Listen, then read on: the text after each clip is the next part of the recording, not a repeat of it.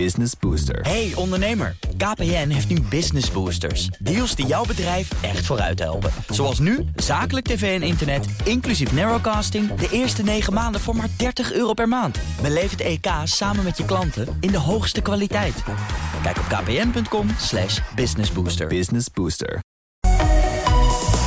BNR Nieuwsradio. BNR breekt. Ivan Verrips. Goedemorgen en welkom bij BNR Breekt, de perfecte onderbreking van je werkdag, ook op deze zonnige woensdagochtend. Vanaf eh, half twaalf praat ik over het nieuws van de dag, over omstreden BN'ers zoals Sievert van Linden en Ronald de Boer en Willem Engel. En het is weer... Stop. Hamertime. Hamertime, het CDA en de VVD die een eh, kabinet eh, met eh, te veel linkse partijen niet zien zitten. En ook in dat tweede half uur... Het was kerstochtend 1961. Ik weet het nog zo goed. Mijn konijnenhok was leeg. Maar hoe krijg je Flappy op mijn bord met kerst als die gewoon vrij in de natuur mag rondlopen? Nee, zelfs moet rondlopen. We gaan praten over zielige dieren. Dat scoort altijd dieren bij BNR. Eh, in mijn panel vandaag Meerte Westrik van scholieren.com en Tom de Nooijer, die is gemeenteraadslid voor de SGP in Oldenbroek onder de rook van Zwolle. Goedemorgen allemaal. Goedemorgen. We beginnen met. BNR breekt. Breekijzer. Vandaag over een akkoord dat eh, werkgevers en vakbonden volgens de Volkskrant hebben gesloten. De arbeidsmarkt gaat op de schop. En daardoor zeggen we zo goed als dag tegen flexwerk gaan nul-urencontracten bij het restafval. En mag uitzendwerk maximaal drie jaar duren. En ook een vrij detail. ZZP'ers die gaan minimaal 35 euro per uur verdienen... om voor de gunstige belastingtarieven in aanmerking te komen. En wie minder dan 35 euro eh, per uur krijgt... die moet door het bedrijf in loondienst genomen worden. Om 12 uur na deze uitzending is er een persconferentie... over dit onderwerp bij de SER in Den Haag. Eh, maar wij gaan er nu al zonder enige last van kennis over praten. Heerlijk is dat. En ons breekijzer luidt vandaag... een minimumtarief van 35 euro per uur voor zelfstandigen... is totaal onrealistisch. Wat denk jij? Wil je reageren? Bel 020 468 4 keer 0 020 468 4 keer 0 Een minimumtarief van 35 euro per uur voor zelfstandigen is totaal onrealistisch. Zometeen de mening van Meerte en Tom. Eerst nu de mening, eh, de onderbouwde mening van Hugo Jan Ruts. Die is hoofdredacteur van kennisplatform Zipconomy. Goedemorgen, Hugo Jan. Nou, die is zo geschrokken van ons breekijzer dat hij gelijk opgehangen heeft, denk ik. Hij is er niet, hè? Nee. Snap ik wel. Blijf van wachten, dat dit er is.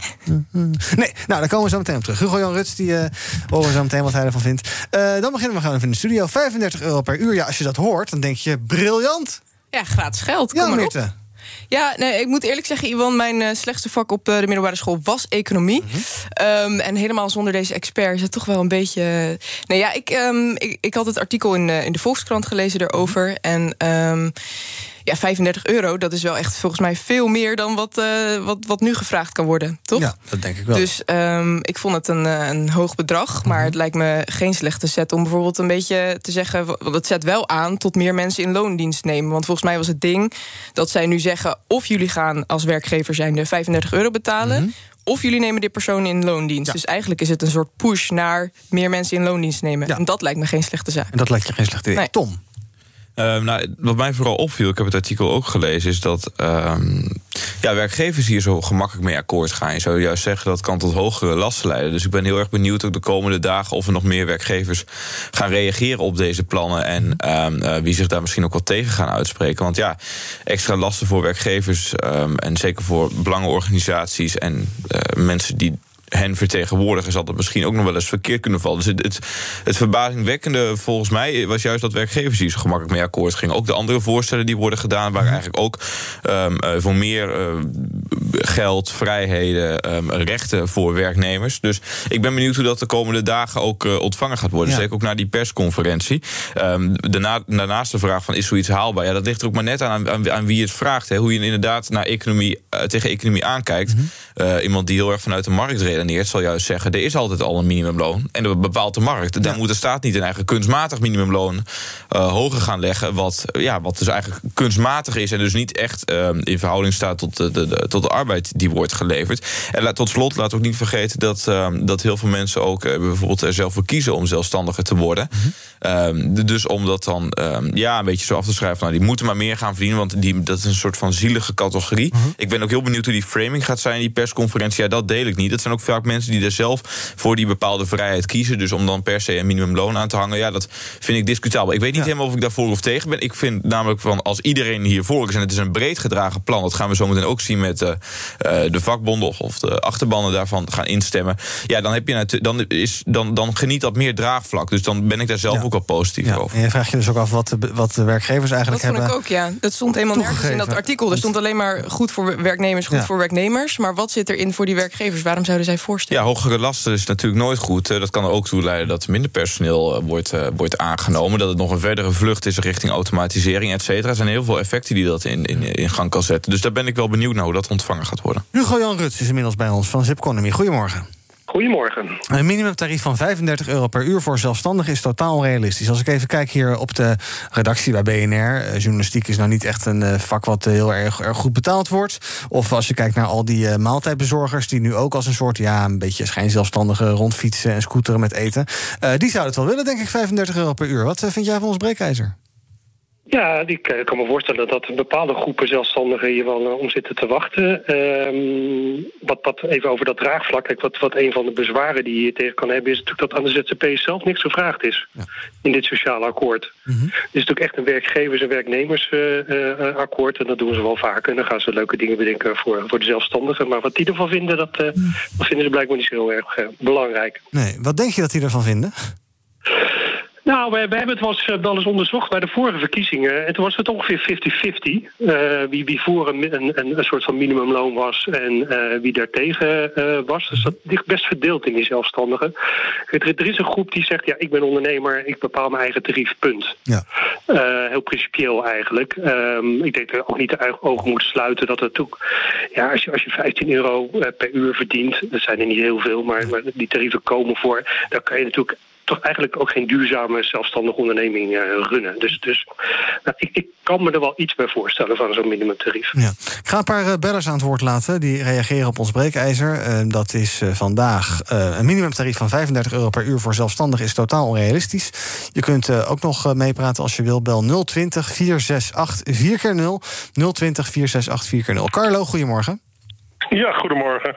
Zeg maar. Ik, eh, ik zou dolgraag eh, een opmerking op, eh, over willen maken. Het is zo dat een ZZP'er is volledig zelfstandig. Ja. Voor 35 euro krijg je nooit, nooit je pensioen, arbeidsongeschiktheid, ziektekosten nooit betaald. Dus irreëel. irreëel. En ik zeg op een gegeven moment op mijn beurt... als een, iemand er zelfstandig wil, wil zijn, dan laat hem dan. Fikken af. Klaar. Ja, dus jij bent niet voor, voor minimaal als het daarom gaat. Minimumtarieven. Nee, zeker niet. En, en, en een minimumtarief, stel dan een reëel tarief voor een zelf, volledig zelfstandige. Ja. Stel dan een reëel tarief en ga dan eh, hoger zitten dan 35 euro. Want van 35 euro kan je het niet betalen. Ik spreek uit ervaring. Duidelijk, dankjewel. Peter, goedemorgen. Ja, goedemorgen. Zeg het maar. Nou, mijn voorganger geeft inderdaad een goed punt aan. Je hebt eh, 10% van de ZZP'ers die inderdaad een, riant, eh, een riante vergoeding factureren. En dan heb je het over 70, 80 euro per uur.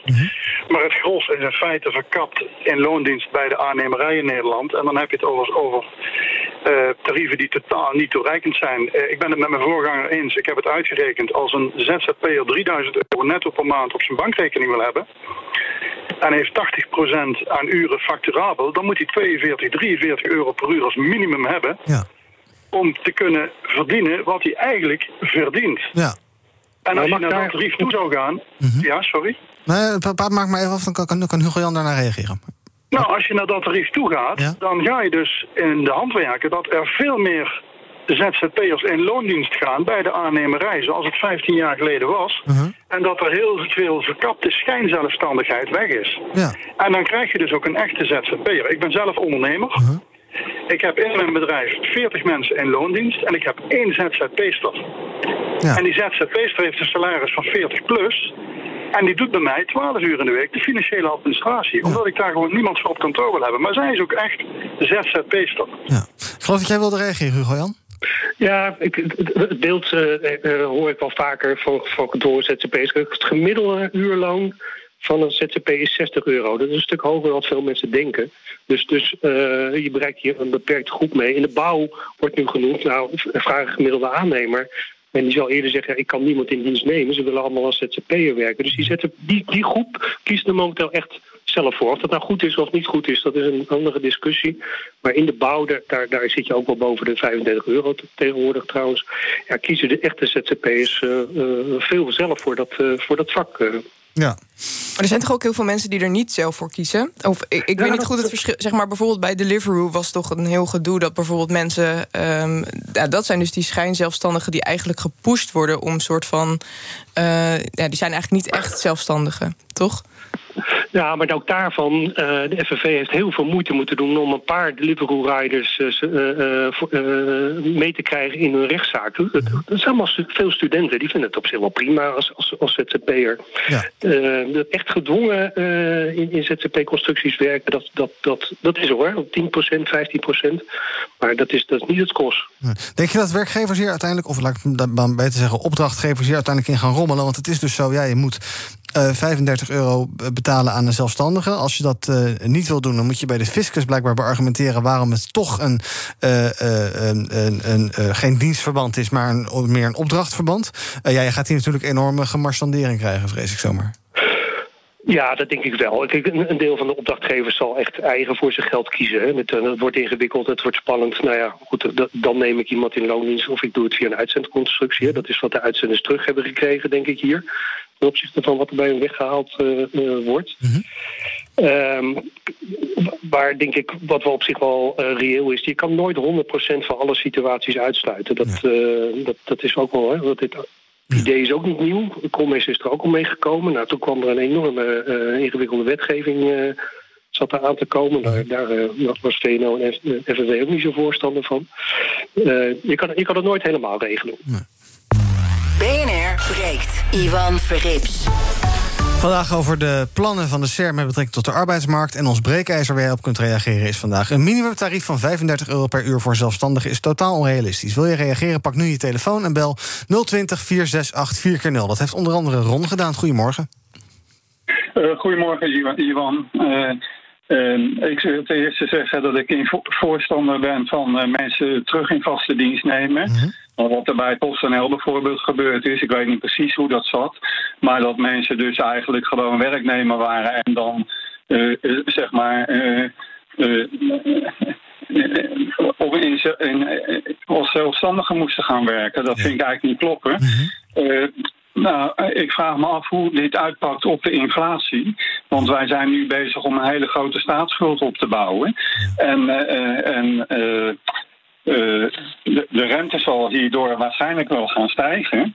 En dan denk ik, vraag ik me af welke economen hebben dit verzonnen. Ja. Dus uh, dat is eigenlijk de vraag. Uh, als er een econoom zit die dat is is dat wel onderzocht. Ja, zit er, dus, is hier iemand econoom? Nee, hè? geloof ik niet. Nee. Ja, Hugo Jan, ik, uh, zie jij een, een, een, link met inflatie en dergelijke? Niet ja, zeker, zeker. Ja? Maar kijk, wat, wat die meneer aangeeft is een interessant punt. Uh, kijk, arbeid is goedkoop in, in sommige sectoren. Pakketjesbezorgers bijvoorbeeld. Ja, we, we, gaan er allemaal vanuit dat die pakketjes gratis opgehaald en gratis bezorgd worden. Daarom zijn die loonkosten zo laag. Wordt het duurder? Maar iemand moet die rekening gaan betalen. Ja. En dan zal dat ook allemaal als consument schande vinden dat er zo laag betaald wordt. Ja, nou, dan moet je dus ook zelf meer gaan betalen. Ja. Alex, goedemorgen. Hoi, goedemorgen. Zeg het maar. Ja, ik ben het uh, eens met de stelling dat 35 euro een uh, onreëel bedrag is. Mm -hmm. uh, ik zit zelf in de watersport. Ik heb echt heel erg bewust gekozen om daar als zelfstandige in werkzaam te zijn. Uh, ik verhuur me aan onder andere zeilscholen en zeiljachtverhuurders. Mm -hmm.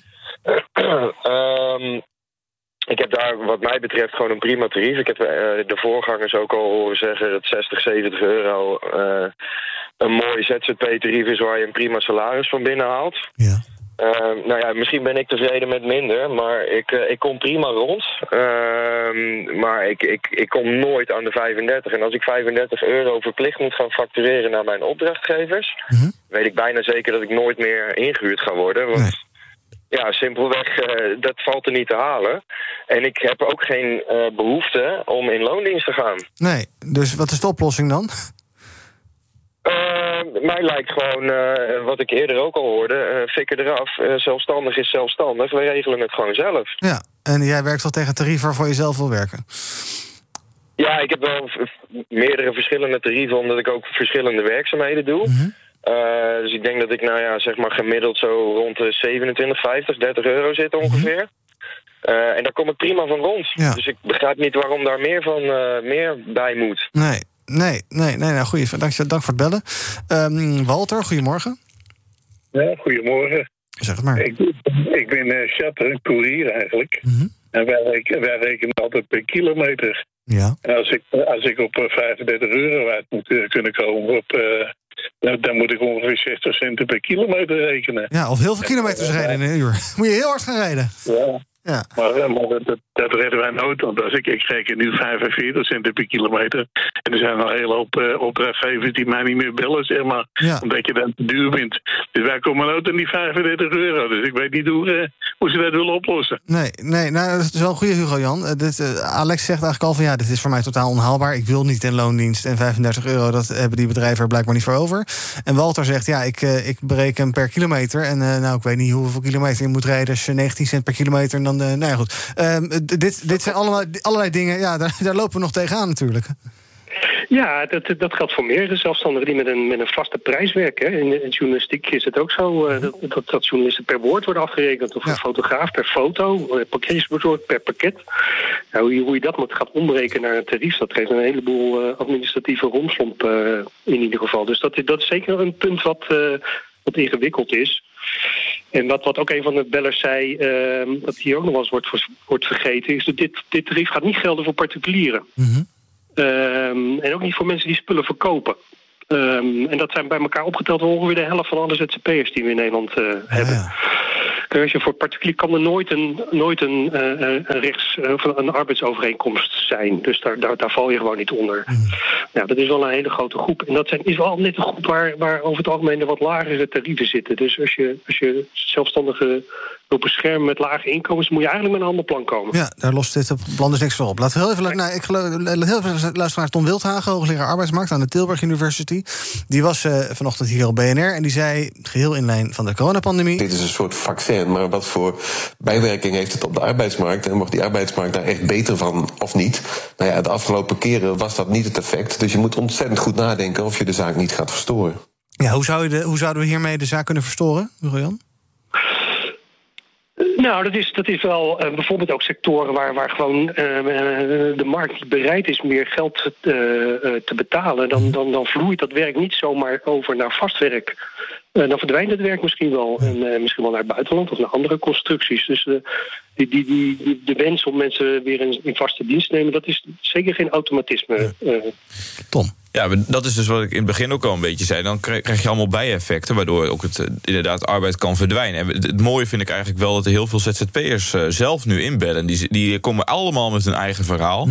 Ehm, en ook volgens mij, die kunnen zelf namelijk in, het beste inschatten of zij ehm, eh, genoeg eh, geld krijgen voor de werkzaamheden die ze verlenen. En ja, je kunt wel zeggen, mooi gratis geld, oh wat leuk voor die eh, ZZP'ers. Maar als het gaat ophogen, ja, dat is het soms ook inderdaad niet waard. En heel veel mensen kunnen rondkomen. Dus volgens mij is het probleem wat ze willen oplossen, zit helemaal aan de onderkant. Dus vooral die, die, die schijnzelfstandigen met pakketjes, of bijvoorbeeld de, de, de thuisbezorgd en allemaal dat soort, de, de, de rijders en dat, dat soort mensen. Terwijl ook heel veel ZZP'ers de, het nu prima voor elkaar hebben. En daar ga je, je gaat dus met een kanon op een, eh, op een, eh, op een mug schieten.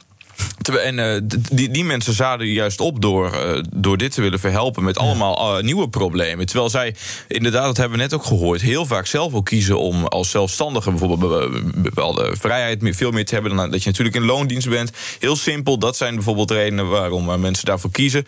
Ja, op deze manier wordt dat veel lastiger. En maak je het ze eigenlijk veel lastiger terwijl je ze wil helpen. Dus dit is volgens mij een veel te generieke maatregel. Als je ze in het bepaalde sectoren waar dat dan nu misgaat met die zelfstandigen, als je daar wat wil aanpakken, prima. Maar doe dat dan misschien met veel gerichtere.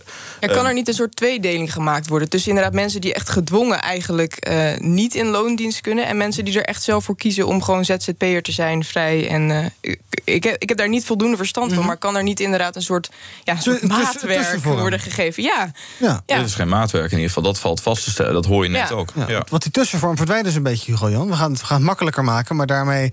Ja, hè, er is nu een soort, ook soms wel een beetje een soort schimmige tussenvorm... van mensen die niet in loondienst zijn... maar eigenlijk wel verkapt werken, praktisch bij een bedrijf. Ja, dat moet dus gaan verdwijnen. Maar wat gaat er met die mensen gebeuren?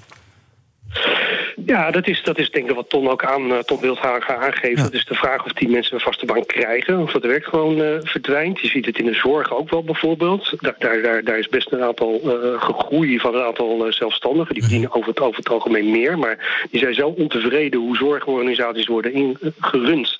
Dat ze als zelfstandigen werken. Maar kunnen ze dat niet meer doen, dan gaan ze gewoon naar een andere sector. Nou, dan heb je ook een groot probleem in de gezondheidszorg. En die sectorale aanpak waar, waar uh, jullie net over hadden, dat is, dat is misschien wel een oplossing. Uh, de, de, de architectenbranche heeft al een minimumtarief afgesproken.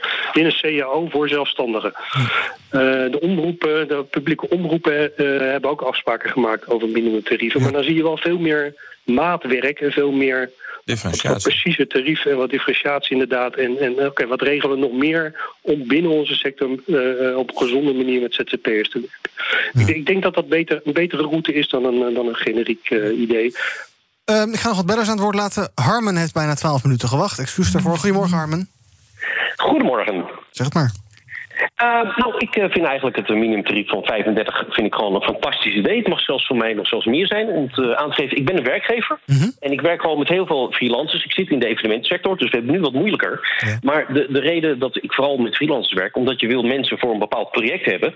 En ik begrijp ook dat mensen gewoon freelancer willen zijn. Want sommige mensen zeggen, nou weet je wat, ik ga me echt twee maanden werken. Gewoon echt helemaal heel hard op een bepaald mm -hmm. project. Dat gewoon twee maanden duurt. En daarna ga ik wel lekker drie maanden met vakantie. Ja. En um, ik, ik vind zelf ook, ik, uh, het probleem is dat wij kunnen, ik kan bij mijn klanten, kan ik af en toe niet meer vragen. Omdat er een soort precedent is geschept in de wereld. Dat er een bepaald maximum tarief mag zijn wat een personeelslid mag kosten. Mm -hmm. Terwijl als ik naar de garage ga met mijn Mercedes of met een BMW-auto, dan is het tarief van, de, van, van wat daar wordt gefactureerd over de 100 euro per uur. Ja. En dan komen wij aan met onze 35 en denk ik, nou, dat vind ik nog best wel weinig. Want Ja. wij, doen ook, wij maken ook mooie dingen. We maken eh, dromen waar voor je klanten. Ja, dat dus-. Dus Dus eigenlijk ervaar jij een soort eh, eh, race to the bottom als het gaat om eh, hoe je freelancers moet belonen. En je, daar ontkom je eigenlijk ook niet aan, want ja, er is geen, er is geen richtlijn. Dus het is een beetje wat, wat, wat, wat, gek- wat, wat ik zou het helemaal niet erg vinden. Ik vind, ik vind, ik vind het gewoon niet meer dan normaal wenselijk dat, hè, zelfs als ik kijk naar bijvoorbeeld mensen die bij jullie freelance zouden werken, dat iemand die, die, die, die radioregie doet, Mhm. die is gewoon 65 euro per uur waard, zou ik zeggen. Maar misschien krijgt hij maar 35 nu of 30. Maar ja,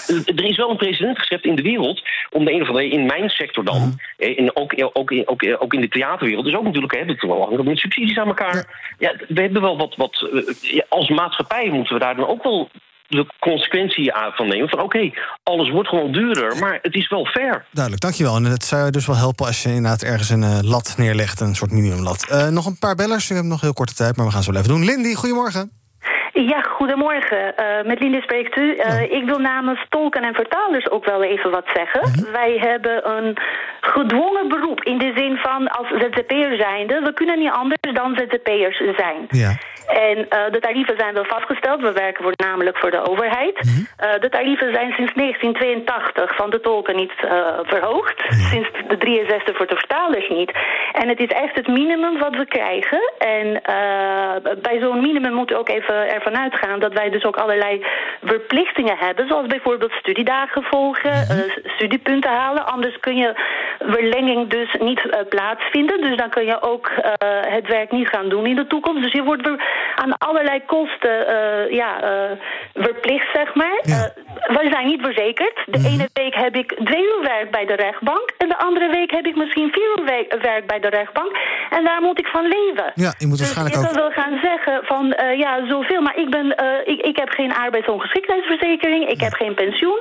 En dan kun je zeggen, je hebt zelf voor gekozen. Nee, ik heb er niet zelf voor gekozen. Dit is nou het beroep wat ik heb. En dit is dus hoe het geregeld is. En het Vind je, eigenlijk niet, dat- vind je eigenlijk niet dat de, overheid, dat de overheid die tolken in dienst zou moeten nemen? Juist de overheid heeft daar toch een soort voorbeeldfunctie in? Eh, nou ja, overheid neemt de tolken niet in dienst. En het leuke is, meneer, de overheid heeft de, eh, eh, ja, de diensten van tolken en vertalers in aanbesteding gegooid. En we worden dus overgenomen. En waar we vroeger door de overheid voor een half uur betaald werden, minimaal, want daar wordt je ook voor gereserveerd. Nu gaan we per minuut betaald worden vanaf binnenkort. Dus het komt erop neer oprecht dat ik als ik naar de rechtbank moet en de zaak gaat buiten mijn schuld om niet door, inclusief rijden. en we weten wel wat er gebeurd is met, eh, met, de, met de benzineprijs en dat soort zaken in de loop der jaren. Nou, het komt erop neer dus dat ik oprecht, en ik overdrijf niet, dat ik straks 7,5 euro per uur aan overhoud. Ja. En dan werk ik dus voor de overheid. Dus eh, voor de rechtbank op dat moment ben ik in opdracht. Ja, duidelijk. Eh, Dankjewel. Je eh, pleidooi is duidelijk. Dankjewel. En tot slot nog heel kort. Kilaat of Kilade of Kileet of... Kidane. Kidane, goedemorgen. Sorry. Ja, ja. Hallo. Het, het probleem is dat het gewoon de opdrachtgever, dat het gewoon de, de- wat de freelancer of eh, de, de, de overheid niet duidelijk is. Dus zolang dat het gewoon de overheid ook, zoals die mevrouw voor mij zegt, eigenlijk is, dit is gewoon één opdrachtgever. Daar moet er gewoon, gewoon aangenomen worden volgens de, de overheidsbeleid. Ja. Dankjewel voor het bellen, Kidaan.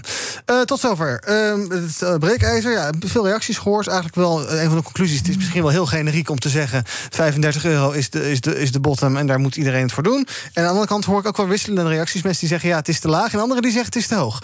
We gaan het zien. Zometeen vanaf 12 uur. Dus die persconferentie bij de SER. En daarna moet het eh, FNV-ledenparlement er nog over stemmen. Nou, dat zijn vaak ook een beetje behoudende mensen. Die zijn allemaal voor vaste banen. Dus kijken hoe die daarop gaan reageren.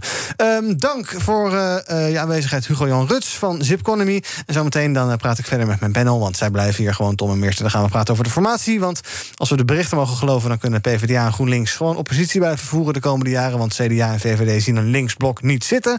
En BN'ers in opspraak. Dit keer niet Reetje Hazes, maar Siewert van Linden, Ronald de Boer en Willem Engel. Tot zo. Hardlopen, dat is goed voor je. En Nationale Nederlanden helpt je daar graag bij. Bijvoorbeeld met onze digitale NN Running Coach... die antwoord geeft op al je hardloopvragen. Dus, kom ook in beweging. Onze support heb je. Kijk op nn.nl slash hardlopen.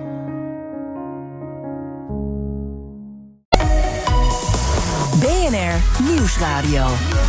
BNR breekt. Ivan Verrips. Welkom terug bij BNR Breekt. In mijn panel Meester Westrik van scholieren.com... en Tom de Nooijer, die is eh, van de SGP, mag je dat zo zeggen? Of van de gemeenteraad in Oldenbroek. En daar zit hij namens de SGP. Kan je dat zo zeggen? Of ben je van de Zit je ben de Ben je SGP? van de gemeenteraad of ben je van de SGP? Nou, b- b- beide. Ik ben gemeenteraadslid en SGP'er. Maar ik, ben niet, eh, ik ben niet namens de SGP. Ik ben voor de SGP gemeenteraadslid. Want ik ben ook op volksstemmen verkozen en zo. Dus, en je, je kiest natuurlijk niet op partijen in Nederland. Dus het is altijd gek als mensen zeggen dat ze... bent gewoon als individu Namens een partij. eh, dat, dat bestaat volgens mij niet. Dus dat zeg ik ook nooit zo. Maar wel voor de SGP. Ja, dat is duidelijk. Zometeen gaan we het hebben over gemeenten die maar bar weinig grond aankopen. En dus eigenlijk misschien wel de krapte op de huizenmarkt in stand houden. Maar we beginnen met. Stop. Hamertime. Het is weer hamertime, eh, de impasse in Den Haag... om een eventueel linksblok in het nieuwe kabinet. Daar gaan we over praten, want eh, Hoekstra ziet een nieuwe coalitie... met de PvdA en GroenLinks gewoon niet zitten. En daar is de VVD het nu ook over eens. Vandaag wordt er weer eh, verder geïnformeerd. Sinds kwart over negen waren Rutte, Hoekstra en Segers bijeen. Ik weet niet of dat al klaar is, maar dat was dus vanochtend die afspraak. En daarna om 12 uur, dus over 20 minuutjes... dan is het Rutte, Ploemen en Klaver. Ehm, ja, de verschillen zijn groot. Er zijn natuurlijk een paar opties. We hebben de, de, de, de, de Kaag, eh, Kaag-coalitie. Dat is dus het motorblok plus GroenLinks en PvdA. Maar ja, ehm, we hebben inmiddels dus gehoord dat VVD en CDA... niet met GroenLinks en PvdA wil. wil. En eh, motorblok plus ChristenUnie gaat ook niet worden... want D66 wil niet met ChristenUnie. ChristenUnie niet met VVD, of in ieder geval niet met Rutte. Nou, le- leg jullie maar eens even uit waar dit eindigt. in een groot niemandsland. Nee, ja, ni- niemand wil met elkaar en de een, de, de een wil niet met de een en de ander niet daarom en daarom. Ja, dat is allemaal, allemaal wie, wil, wie wil met wie en wie wil niet met wie. Maar uiteindelijk willen ze allemaal niet met elkaar. Behalve Nee. dan dat, dat eh, GroenLinks, PvdA en D66 heel erg aan elkaar vasthouden. En VVD en CDA eh, beste matties zijn. Ja. Maar Maar ja, Ja. Daar, daarmee ben je er niet. Nee, maar, maar ik, ik vond het wel interessant, want ik las dus inderdaad gisteren dat, eh, dat Hoekstra dan had gezegd dat hij eh, dat, hij dat niet zag zitten met linkse partijen. Wat natuurlijk niet heel verrassend is, tenminste vond ik. Eh, maar dat Rutte daar dan meteen achteraan eigenlijk ook zegt: ja, ik eigenlijk, ik eigenlijk ook niet. Ja. Terwijl hij toch wel volgens mij die richting een beetje op aan het onderhandelen was met eh, Kaag. Dus eh, ja, ik, ik vind het fascinerend allemaal. Duurt Tom, lang. Tom, jij haalde nog een eh, fascinerend... eh, net tijdens de- het nieuws hadden wij het even over... een fascinerend filmpje gisteravond op de Twitterpagina van Avinash Biki van de Volkskrant. Daar gebeurde dit. Hij sprak met Mark Rutte. Aantal woorden van Hoekstra? Ja, ik, ik begrijp wat Hoekstra zei. Ik begrijp wat Hoekstra zei. Ja. Maar wat- wat bedoelt hij daarmee? Ik Dat ik dat begrijp. Nee, dat, En, dat u eh, ook niet met GroenLinks en PvdA wilt samenwerken? Gewoon dat ik... eh goedenavond. Hoi. Goedenavond. Dat ik heel goed begreep wat hij zei, maar verder... Kijk, ik moet het natuurlijk wel goed, eh, opschrijven. ik moet het wel goed opschrijven Nou, dat, natuurlijk. dat kunt u opschrijven, want ik begreep wat hij zei. Maar wat, wat begrijpt u dan? Dat, dat, twee, partij, twee linkse partijen voor u moeilijk is? Jij moet dat interpreteren. Nou ja, ik- dat is een mooi vak wat je hebt. Een mooie vak. Nee, ik, ik probeer, je zegt, begrijp wat hij bedoelt, maar wat, begrijp, wat begrijpt hij dan precies? Ja, dat, Hij heeft veel dat is aan jou, om dat te interpreteren. Dat is ook niet. Totale, spraakverwarring. Wel fijn dat Hoekstra blijkbaar toch duidelijk was voor Rutte. Dat hij wel Ja. begreep wat Hoekstra zei. Maar het niet verder wilt uitleggen. Dat betekent gewoon met, eh, met eh, heel, heel veel woorden dat er voor Rutte eigenlijk geen belemmering is. Dat hij dan niet gelijk zijn, coalitie, eh, zijn favoriete coalitiepartner wil afvallen. Maar dat er geen eh, onoverkomelijkheden zijn. Met andere woorden, PvdA en GroenLinks daar heeft de VVD geen probleem mee. Want de VVD had nu de uitgelezen kans als ze dat echt... Maar de VVD is natuurlijk geen rechtse partij, dat is de verklaring hiervoor. Maar als de VVD het echt niet had gewild... en Hoekstra ze- zegt het je al voor, hè, van, ook, ook die zegt het niet als... Kopje min. Ook, nou ja, ook die zegt het niet als breekpunt. Want die zei van het verschil met ieder van die partij- partijen laat staan. Met die twee partijen samen is zeer groot. Dus dat is niet, let op, de variant die voor mij het meest voor de hand ligt. Ja. Informatie wordt Ja, lastig. dat is ook voorzichtig eigenlijk. Ja, maar, ja, en als de VVD nu nog niet zegt we willen het niet, dan betekent het eigenlijk geen probleem. We doen nog wat eh, rituele dansjes om te laten zien aan de achterban dat we het allemaal heel erg moeilijk mee hebben. Maar uiteindelijk kan het gewoon gaan gebeuren. Mocht het allemaal toch wat lastig liggen en eh PvdA en GroenLinks opeens heel veel eisen op tafel gooien, want die hebben best een goede onderhandelingspositie nu ze elkaar niet loslaten. Ja, dan zou je eventueel nog kunnen kijken naar de, de ChristenUnie, maar dat, dat wordt erg lastig, want die wil niet met Rutte en Kaag gewoon niet met ChristenUnie. Ja, 21 is opeens ook uit beeld verdwenen. Terwijl, die, terwijl Rutte eerst nog zei, nou ja, begin, 21 ja. moeten we onderzoeken. Eh, vind ik jammer, daar hoop ik natuurlijk... Maar daar eh, wil D66 natuurlijk niet mee in het Nee, eh, nee, nee, nee, nee, nee. Dat, dus dat, dat ligt, het ligt allemaal lastig. Maar het meest voor de hand ligt wel dat, ehm, ehm, denk ik, op dit moment nog in ieder geval de PvdA erbij komt.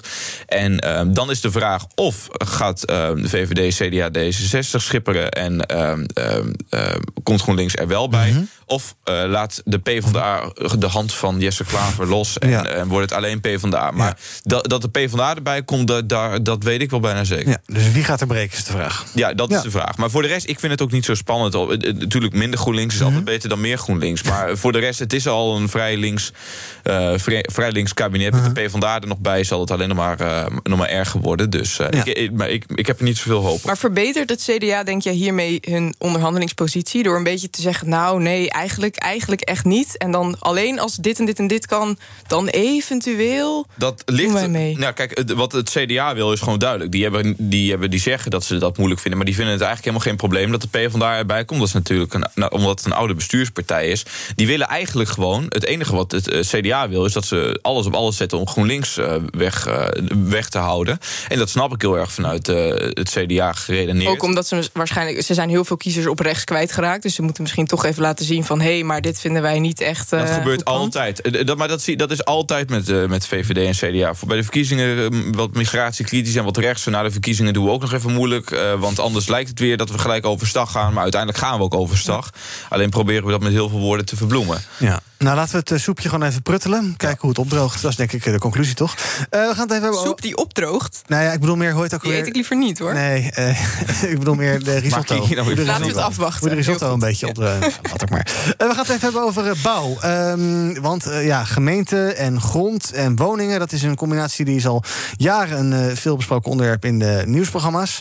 Ehm, en we hebben een huizentekort. Dat is nog lang niet, eh, het einde daarvan is nog lang niet in zicht. Want wat blijkt, gemeenten die trappen best wel hard op de rem... bij de aankoop van grond voor woningbouw.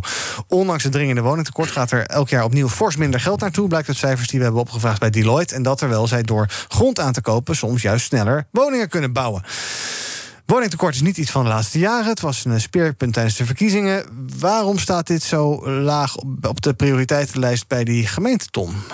Zijn jullie een beetje flink aan het kopen in Oldenbroek? Nou ja, we zijn vooral met eh, inbreidingslocaties bezig. Ik, ik zat eh, het item van BNR van vanmorgen. Volgens mij zit jij daar eh, ook bij, of niet? Bij het item van BNR van vanmorgen hierover. Ja, toen had ik, ik had toch je stem gehoord, inderdaad. En toen hoorde ik ook van, eh, was het een stedenbouwkundige die eh, aan het woord werd gelaten? Die zei van, ja, maar eh, dit, is, dit hoeft niet per se problematisch te zijn. Want eh, ook dit, dit, je zou zelfs de parallel kunnen trekken met de discussie van het eerste half uur. Moet de overheid dit doen of niet? Ja. Het alternatief is namelijk heel simpel. Als gemeenten dit niet doen, doen projectontwikkelaars dat. Eh, ja, het is maar net wat je, wat je verkiest. Maar het is wel goed en belangrijk om te zeggen dat eh, projectontwikkelaars er niet per se langer of, of minder goed over doen. En ook als je als gemeente eh, bepaalde eisen of wensen hebt, kun je dat natuurlijk altijd aan de voorkant meegeven. Bijvoorbeeld als je het hebt over zoveel sociale huur, allemaal dat soort zaken. Ehm, dus daar hou je er natuurlijk als, als gemeente die gaat over de ruimtelijke ordening altijd de regie over. Dus ik snap dat. Nou, mensen ook vooral die, dus die, die daar een grote rol voor de overheid eh, zien, daar zich wat zorgen over maken. En dat is misschien ook wel deels terecht hoor. Want als overheid kun je natuurlijk makkelijk ook weer zaken afdwingen. Mhm. Maar het hoeft niet per se een probleem te zijn. Het belangrijkste is vooral dat of je nou gemeente bent, ehm, eh, dat, je als je de, als je gemeente bent, dat je focus blijft houden op dat je wil bouwen. En hoe je dat dan precies doet, is eh, vers 2. Maar als Ja. je die instelling mee hebt, dan komt het hopelijk wel goed. Ja, Meerte, wat denk jij? Is het belangrijk dat gemeenten eh, grond blijven kopen... en dat we weer meer gaan doen om die woningbouw aan te jagen? Of eh, zou je dat ook iets meer aan, aan de particuliere sector over kunnen Nou ja, wat Tom zegt, Tom heeft daar denk ik meer inzicht in vanuit de gemeenteraad. Ook dat dat dus soms ook goed komt als, als je als gemeente zijnde toch wel richting kan geven aan eh, wat die bedrijven doen. Maar ik denk wel, hebben, heb, heeft de vrije markt, om het maar zo te zeggen, het beste voor met de mensen? Nou, die willen gewoon eh, zo hoog mogelijk eh, prijs weer vragen. En dan eh, als je dan arti- artikelen leest, Tom, dat wij super lang mogen wachten tot we een keer een huis kunnen krijgen. Ja, dan denk ik wel, ja, er moet in ieder geval iets gebeuren. En wat dan het beste is. Ja, als, als de, als de eh, overheid daar iets meer richting aan kan geven, lijkt me dat niet per se een slecht idee. Maar dat is inderdaad weer precies de discussie waar we het net ook over hadden. Moet dat dan van bovenaf besloten worden? Ja, laten we nog even luisteren naar Willem Korthals Altus van de TU Delft. Die is daar hoogleraar grondbeleid, precies. En hij vindt dus dat gemeenten een actieve rol moeten innemen. Bijvoorbeeld dus door zelf eh, grond aan te kopen. Hij vindt van wel. Kopen van grond gaat natuurlijk met een zeker risico. Hè. Vastgoedontwikkeling gaat niet zonder risico. En de financiële positie van gemeenten is op dit moment niet rooskleurig. Ze hebben heel veel taken en weinig middelen. Ja. Ja, dat, dat klopt. En in hetzelfde item eh, wat ik dus aanhaalde, dit was, dat was dit item, werd ook gezegd van ja, een paar jaar geleden was het nog gemeente, heeft allemaal grond en dat is allemaal eh, geld van de inwoner. et cetera. Dus het is ook maar net. eh, dus toen was het verhaal precies andersom. Dus het is ook maar net hoe de, hoe de financiële positie is en hoe de, hoe de krapte zich ontwikkelt op de, op de huizenmarkt. Ehm, Maar ja. denk jij dat het zich zo, zonder dat, daar dus, dat er dus dingen opgekocht worden verder, denk jij dat het zich dan wel een beetje oplost zo? Of wat? wat? Wat is de oplossing, Tom? Ja. Eh. Nee, nou ja, los het even op. Het, het alternatief is gewoon dat je hele strakke regels eh, meegeeft. En de gemeente gaat gewoon ook over een bepaalde. Over, over de woonvisie binnen de gemeente. Die, die stelt er belangrijke kaders voor op. En het college mag daar uitvoer eh, aan geven. En of je dat nou als gemeente helemaal zelf opkoopt. of dat aan een eh, projectontwikkelaar eh, overlaat. Ja, dat. eh, ik- kijk, juridisch moet je dat allemaal goed afbakenen. Want anders kan een projectontwikkelaar inderdaad ook zelf eh, aan de haal gaan met bepaalde zaken. Dus dat, dat is ook een, een taak voor de gemeente. Maar het is maar net welke route je kiest. En de, de een hoeft niet per se problematisch eh, te zijn. Maar het kan wel helpen. Ik bedoel, we moeten ook. Ik ben natuurlijk, dat horen we het hele uur wel, erg rechtsgeoriënteerd op dit soort zaken. Maar ik vind het ook niet erg als, als eh, bijvoorbeeld een landelijke overheid of bepaalde overheden hier wat, wat druk achter zet. Omdat het probleem gewoon urgent is. Dan kun je zeggen, ja, we hopen dat de markt het, op, eh, het, het, het, het oplost. Maar dat is gewoon de afgelopen tijd niet Ja, gebeurd. precies. Dus Ja. dat betekent niet dat je de markt helemaal weg moet halen. Maar dat betekent wel dat je als overheid er strak op mag Beter moet reguleren. ja. BNR breekt. We gaan even kijken wat er zo meteen om 12 uur in zaken doen zit. En daarom is hier Thomas van Zel. Iwan, ik ben niet daar, maar ik zit gewoon weer knus in mijn hokje. Maar ik, eh, we hebben een goede verbinding. Eh, zodat ik eh, kan vertellen dat Ben Cornelissen mijn gast is. Hij is mede-eigenaar en directeur van Camera Express, bekende fotografiewinkel. die het afgelopen jaar de omzet gewoon keurig op peil wist te houden. Ondanks dat de winkels natuurlijk voor een groot deel dicht waren. Ja, hebben we dan nog interessante dingen gefotografeerd? Of doen mensen dat toch liever vooral als ze op reis zijn? Wat niet kon. Dat soort zaken ga ik met hem bespreken. Ook de gast is Carlo Bagijn. Hij is de oprichter van Binkbank in het verleden van Brand New Day. En hij gaat het toch nog een keer proberen om de gevestigde orde uit te dagen met Salarize. Op een andere manier consumentenkrediet organiseren, zodat het aanzienlijk goedkoper kan. En eh, ja, een eh, verrassende ontwikkeling. Nederland was natuurlijk altijd een caravanland. Ik was niet per se een caravanman, maar we zijn inmiddels ook vooral een camperland. Want eh, de verkopen schieten de lucht in. Ook daarover heel veel meer in BNR Zaken doen. En het Flexakkoord, hè, dat hebben jullie natuurlijk al voor een deel besproken. Mhm. Maar er zijn nu ook nieuwe Haagse reacties die te horen zijn in BNR Zaken doen. Ja, ben je wel een, camperman of dat ook niet? Ook geen camperman, maar ik ben wel ook gaaf, hoor, zo'n pas, grote eh, ik ben pas, eh, ik ga in, in, geboortejaren denken, omdat die vaccinatiestrategie natuurlijk nu lekker gaat lopen. Maar ik kom uit 1984, dus ik ben pas 37. Ik kan nog zomaar een camperman worden. Ik Moet ik wel een rijbewijs eh, halen trouwens. Ja, en veel geld hebben, want het zijn dure dingen. Goed, we gaan allemaal zo meteen in Ook nog 12, een nieuwe 12 uur. Doei. BNR breekt. Thomas gaat naar 135 euro per uur, denk ik, bij BNR. Eh, in mijn panel vandaag Tom de Nooijer met Meerte Westrik. En we doen een eh, blokje BN'ers. En jullie mogen kiezen over wie we gaan praten. Ik heb drie opties. Siewert van Liende, Ronald de Boer... of we gaan het over Willem Engel hebben. Meerte. Nou, ik vind Siewert wel eh, interessant. De kwestie Siewert. Ben je het daarmee eens, Tom? Ja, trap af zou ik zeggen. Ja, want eh, eh, VWS heeft nu laten weten bij monden van minister Van Ark... dat het eh, ja, eigenlijk geen probleem was dat Siewert van Linden minstens 9 miljoen heeft weggesluist voor zijn... ehm, als een soort winst op die deal die hij gesloten heeft met VWS... om die mondkapjes te, te verkopen. Ehm, ehm, zelf bleef hij zich, ja, Siewert van Linden... de afgelopen weken een beetje presenteren als een soort filantroop... die dat om niet heeft gedaan. Dat werd allemaal stilstijgend geaccepteerd. Inmiddels is het ja, duidelijk dat het via zijn BV'tje is gegaan. Tamara van Ark heeft dus gezegd... nou, wij gingen er eigenlijk nooit vanuit dat Van Linden op een non-profit basis opereerde. Het is, ja, we hebben gewoon zaken gedaan met Zij het wisten bedrijf. dat al ook, zeiden ze toch? Maar Ja. dat was gewoon niet eh, naar buiten gebracht, Nee, zeg maar. maar dat was ook niet nodig, want ja, Nou. zij deed zaken met dat commerciële bedrijf. Dus what's the problem? Ja, ik, ik vond het. Ik, vond het, ik heb het er wel even over ingelezen. Ik vond het allemaal aan elkaar hangen van allemaal vage, vage bewoordingen en constructies Ja, en weet ik veel wat. Om niet? Nou, dat trouwens ook moest ik ook opzoeken. Had ik nooit eerder gelezen. Nee, maar. ehm, en en Siewert, eh, Siewert van Linden zegt nu volgens mij nog steeds. dat er nog steeds een bepaalde geheimhoudingsplicht is. waardoor hij nog steeds niet alles kan zeggen. Terwijl Tamara van Ark eh, ja. zegt dat dat helemaal niet Ja. zo is. Dus wat daar ergens in een, in een tussengat. wat daar gebeurt, ik heb geen idee. Maar ik vond het wel. ehm, kijk, op zich is het, is het goed dat het nu naar buiten is gekomen. dat dus duidelijk was dat hij eh, dat inderdaad wel met commercieel oogmerk deed. uiteindelijk, of in ieder geval een BV had opgericht. En dat dat voor dus het ministerie geen probleem was. Ik vind het ook wel weer gek dat hij dan zegt. Ja, dat was al lang al eh, bekend. En, eh, maar hij heeft ondertussen in elke talkshow ooit gezegd dat hij er helemaal dat hij dat inderdaad zonder winstoogmerk deed. Dus ik vind het heel vaag allemaal. Maar dat, is dat, dat is dat hulptroepen, dat is een soort eh, goede doedenclub. En dit heeft hij met een commercieel bedrijf gedaan. Ja, ehm, ma- mag, het mag wel dat hij het doet, denk ik. Ja, precies. Maar volgens mij is dat ook niet. eh, Ik denk ook niet dat dat nu nog puur het punt is. Dat hij dus. eh, ja, het mag wat hij heeft Mhm. Ja. gedaan. Het ministerie wist ervan. Dat is dan ook wel fijn. En is het hufterig? Nou ja, maar ja, dat hij dus naar buiten toe heeft gezegd dat het allemaal zonder winstoogmerk is. En dat is denk ik volgens mij voor de meeste mensen het grootste probleem nu. En dat snap ik ook eigenlijk niet zo heel goed. gejokkenbrokt, maar ja, wat doe je eraan? Ja, nou ja, ja. Wat doe je eraan? Nou ja, ik, ik, ik vind op zich, ik ben wel benieuwd wat hij nog verder gaat zeggen. Mhm. Als die geheimhoudingsplicht die er volgens hem nog is, eh, als die soort Ja. van opgeven is of zo, dan ben ik absoluut nog wel benieuwd wat hij daar nog over te zeggen heeft. Ehm, maar ik vind het wel, ja, gewoon wel een beetje gek allemaal. Maar vind je het raar dat hij 9 miljoen verdient aan de verkoop van mondkapjes in een crisis? Ja, het voelt wel wrang, toch? Dat je, dat je verdient aan, een, aan een crisis. Maar ja, als het, als het gewoon volgens eh, de wet is gegaan, ja. Ja. Ehm, eh, Tom, dan mag jij voor die ander kiezen. Willem Engel of Ronald de Boer? Eh, oh, dan kies ik voor Ronald de Boer. Ja, eh, die wordt ambassadeur van het eh, WK voetbal 2022 in Qatar. Ja. Hij gaat promotiewerk verrichten voor dat toernooi... dat best wel onder vuur ligt vanwege mensenrechten schendingen. En dan moet je gewoon denken aan dat er dik 6000 mensen zijn doodgegaan... die aan die stadions aan het bouwen waren daar. Ehm, ze heeft geloof ik in Qatar gewoond, net als zijn eh, broer Frank... die bondscoach is. Eh, is het niet een beetje raar dat hij daar ambassadeur voor wordt... voor zo'n project? Ja, en ehm, hij heeft daar natuurlijk een heel veel weer op, op eh, geschreven en, en, en naar de media verteld. Van ja, er zijn ook heel veel andere mensen die dit doen en we willen juist eh, het verbeteren en zo. Dus dat het eigenlijk alleen maar. Voetbal helpt de situatie in Qatar. Ja, precies, Dat, soort, eh, dat soort teksten. ehm, en nou ja, al zou het waar zijn, ehm, dan zou ik voor jezelf gewoon. Maar dat is een puur persoonlijk Mhm. dingetje voor, voor de Boer. Je wel afvragen, je weet hoe dit leeft.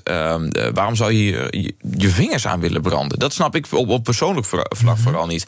Je weet dat je deze storm gaat krijgen als je. Er wordt dan zelfs gesproken, moet eh, Oranje wel of niet. En naartoe moet je dat, dat hele WK niet boycotten. We weten wat er is gebeurd. Veel media-aandacht voor geweest. En eh, ook politiek zelfs die de uitlating over heeft gedaan. Moet je dan ambassadeur willen worden van dit WK? Eh, dat is dus een persoonlijk ding wat ik me zou afvragen aan de voorkant. Want nu is het misschien te laat en heeft heel, heel Nederland een opinie over je. En daarnaast vond ik de teksten. eh, kijk, het zou best kunnen zijn dat hij oprecht goede intentie heeft. Daar wil ik helemaal niet aan, aan twijfelen hoor. Dat, dat als hij dat zegt, dan wil ik dat best nog wel van hem aannemen in eerste instantie. Alleen, ik vind de teksten zo vaag van. eh, volgens de boer is het beeld over eh, Qatar te eenzijdig. Ik wil de dialoog aangaan, stelt hij. Ja, dat vind ik dan toch opvallend. Ik bedoel, Tim Hofman had daarop gereageerd. Best wel leuk. Van we hebben geprobeerd, de dialoog ging niet. Eh, Dat bedoelt hij met zijn eigen boos video, volgens mij, die hij daarover gemaakt heeft. En die zes- eh, 6500 dode mensen nemen ook al niet op. Nee. Dus dat, dat was natuurlijk een heel scherpe tekst. En daarna zag ik in de story van Tim Hofman... hoe mooi is het als we straks kunnen zeggen... dat hebben we toch maar mooi geflikt. Dat we door voetbal de wereld een stukje mooier hebben gemaakt. Maar eh, volgens mij heeft het WK juist heel veel mensen het leven gekost... en is het allemaal niet zo chic gegaan... en wilde het grote geld dat het in Qatar gebeurde... en eh, zijn er voor astronomische bedragen stadions uit de grond gestampt... Ja, ik, eh, ik vind het. eh, dit geeft wel een heel ver- vervelend beeld. En ook, ik zou ook willen zeggen. Al zou het dus allemaal waar zijn. dan nog zou ik niet zulke, zulke heftige woorden gebruiken. van de wereld een stukje mooier gemaakt. Zeker als je weet wat voor feiten ervoor liggen. zou ik dan veel, veel, en veel terughoudender zijn. Ja. Moet u ermee stoppen, Meerten? Ronald, de boer? Iedereen moet gewoon stoppen met zijn werk. Alles. Ja, het gaat niet heel goed met de reputatie van de, beide de boers, geloof ik. eh.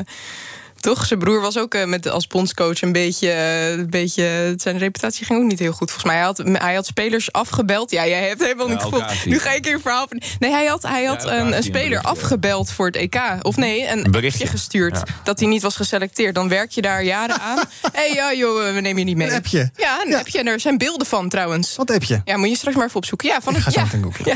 Goed, we gaan nog even kijken wat er in de socials eh, gebeurt. Wat daar trending is. Eh, onder andere Biden is trending. Dat heeft te maken met de vergunningen voor olie- en gasboringen in Alaska... die voorlopig zijn opgeschort. Hashtag jeugdzorg is trending. Want kinderen die jeugdzorg nodig hebben... moeten gemiddeld ruim 10 maanden wachten voordat ze hulp krijgen. Ze wachten dan op therapie of een eh, diagnose of een plek om te wonen. En die tijd is er meestal niet, want je hebt hulp nodig... en dan kan je niet 10 eh, eh, maanden wachten. En verder raken we ja toch ook niet uitgezwitterd over... daar zijn ze weer, Siewert van Liende en die oude Ronald de Boer. We moeten nog heel even hebben over dieren. Heftige vogels dit. Hebben jullie huisdieren? Ik had huisdieren. Ik had een heel lief konijn. Die is wel tien jaar oud geworden, maar toen eh, legde hij het loodje. Ja. Huisdieren, Tom? Ja, en ik heb slecht nieuws. Onze hond is er sinds een paar dagen echt heel slecht aan toe. Oh. Onze, onze rakker. Dus eh, ik wil hem eh, beterschap wensen vanaf deze plek. Ja. Maar het is, het is verdrietig nieuws. Want ik weet niet hoe lang die nog meegaat. Rechtse rakker. Hoe oud is hij? En dan, we- dat is wel grappig. We dachten dat hij 13 jaar was. En toen zijn we pas naar de dierenarts gegaan. Want er zat echt heel weinig leven in. Hij blijkt nu diabetes te hebben. En nu bleek hij al 14 jaar en 7 maanden te zijn. Nou, dan kom je meestal wel op de houdbaarheidsdatum Ja, in de dus buurt. Misschien een beetje einde. Dus eh, we, we beginnen nu toch al een beetje... eh, Ja. Een soort van afscheid eh, alvast eh Oké, nou is dit nemen. leuk. Ehm, we gaan het wel nog even hebben over dieren, als je het niet erg vindt. Want de Eerste Kamer heeft een nieuwe dierenwet aangenomen... die over twee jaar ingaat.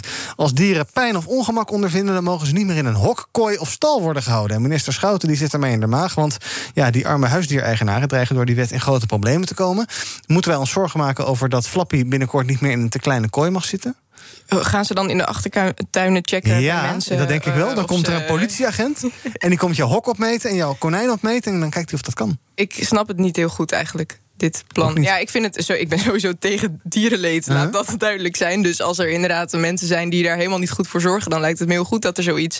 Er is wel zoiets toch als een, als een soort dierenpolitie. Ja, maar, eh, maar Dion Graus heeft dat eh, ooit opgezet. ja, maar als Ja. iemand nou in zijn in zijn woonkamer een, eh, een eh, kooitje heeft voor zijn konijn, ja, wie, hoe ga je dan zeggen nee, dat, dat mag niet op die manier? Ja. Of Tom, goed idee om iets meer aandacht te besteden aan dierenwelzijn, ook bij, bij mensen thuis? Ehm, nou, ik vraag me af, af inderdaad wat voor gevolgen dat heeft. Maar laten we ook vooral niet vergeten dat deze wet zich ook vooral richt op, eh, op, op, op vee. En dat de veehouderij op deze manier heel erg eh, getroffen kan worden. Ehm, je zou iets kunnen uitzoomen en dan is eigenlijk gewoon de tendens. eh, dat dieren nog, nog, nog, nog meer rechten moeten hebben. En, voor, en ook dat, dat de overheid, dat, hè, dat hebben we eigenlijk het hele uur... staat als in het teken van dat de overheid bepaalde zaken wil regelen... waarbij we ons eigenlijk afvragen van doet de overheid dat wel goed? Ehm, eh, dat ook hier, ik denk dat eh, veehouders heel veel eh, waarde ook hechten... aan goed omgaan met hun eigen dieren. Dat zijn niet zomaar ondernemers die alleen maar geld willen verdienen... Ik zal de vergelijking met Siebert van Lienen niet maken. Maar ehm, eh, juist mensen die ook eh, juist bewogen zijn met hun eigen dieren. En op, op deze manier dan. ehm, ook de Schout heeft, eh, minister Schout heeft ook de vraagtekens gezet bij de, bij de haalbaarheid. En de, de uitvoerbaarheid, handbaar, handhaafbaarheid. Ja, dat wil ik wel onderschrijven. En volgens mij moeten we hier niet zo blij mee zijn. Maar is dat, jij zegt de veehouders die ze hebben altijd het beste voor met hun dieren. Het overgrote deel dat- zeker. Ja, maar is dat altijd zo?